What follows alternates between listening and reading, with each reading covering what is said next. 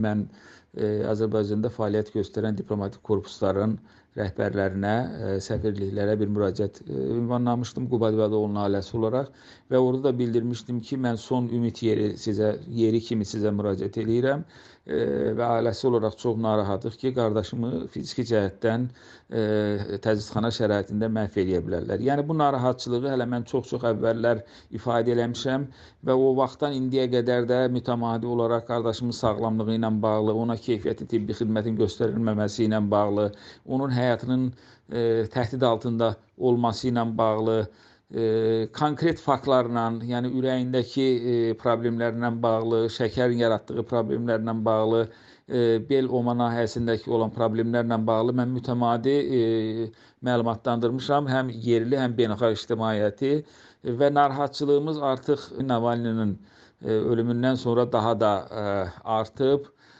Çünki hal-hazırda mənim qardaşıma artıq elə bir vəziyyətə gəlib ki, sağlamlığı ona sistem köçürülməsinə qərar verilib. Baxmayaraq ki, sistem köçürülməsinə qərar verilib, amma bunu Bakı İstintaq Təcridxanasının sançastında həyata keçirirlər.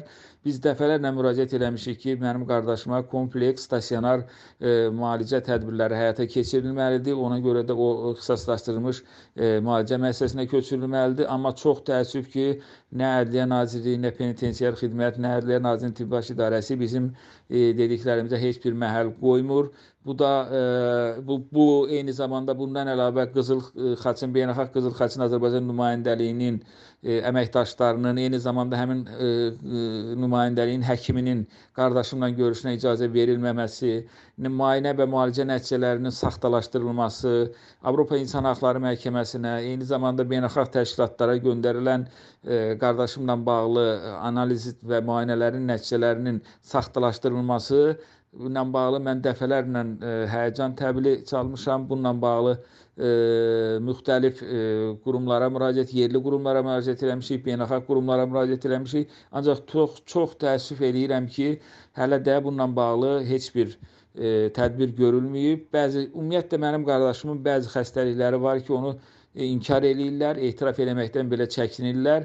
Ürəyində aortanın anevrizması var. Baxmayaraq ki, bu diaqnoz Amerikada qoyulub, London həkimləri tərəfindən təsdiq olunub. E, güya Azərbaycan həkimləri e, inkar eləyirlər ki, qardaşımda belə bir xəstəlik yoxdur. E, digər orqanlarında da xüsusilə şəkərlə bağlı çox ciddi problemləri var və mən e, şənbə günü də e, qeyd elədiyim kimi qardaşımla sonuncu görüşdən sonrakı e, artıq mən bir mənalı şəkildə əminəm ki, mənim qardaşım qardaşımın orqanizmin hissə-hissə sıradan çıxar məqsədli şəkildə hissə-hissə sıradan çıxarılması prosesini həyata keçirirlər və ə, e, təbii ki, Navalninin ölümündən sonra da biz Quba İbadoğlu'nun ailəsi olaraq çox böyük gərginlik və narahatlıq içərisindəyik ki, qardaşımın həyatı ilə bağlı ə, e, təhlükə dərəcəsi, təhlükə riski daha da artıb.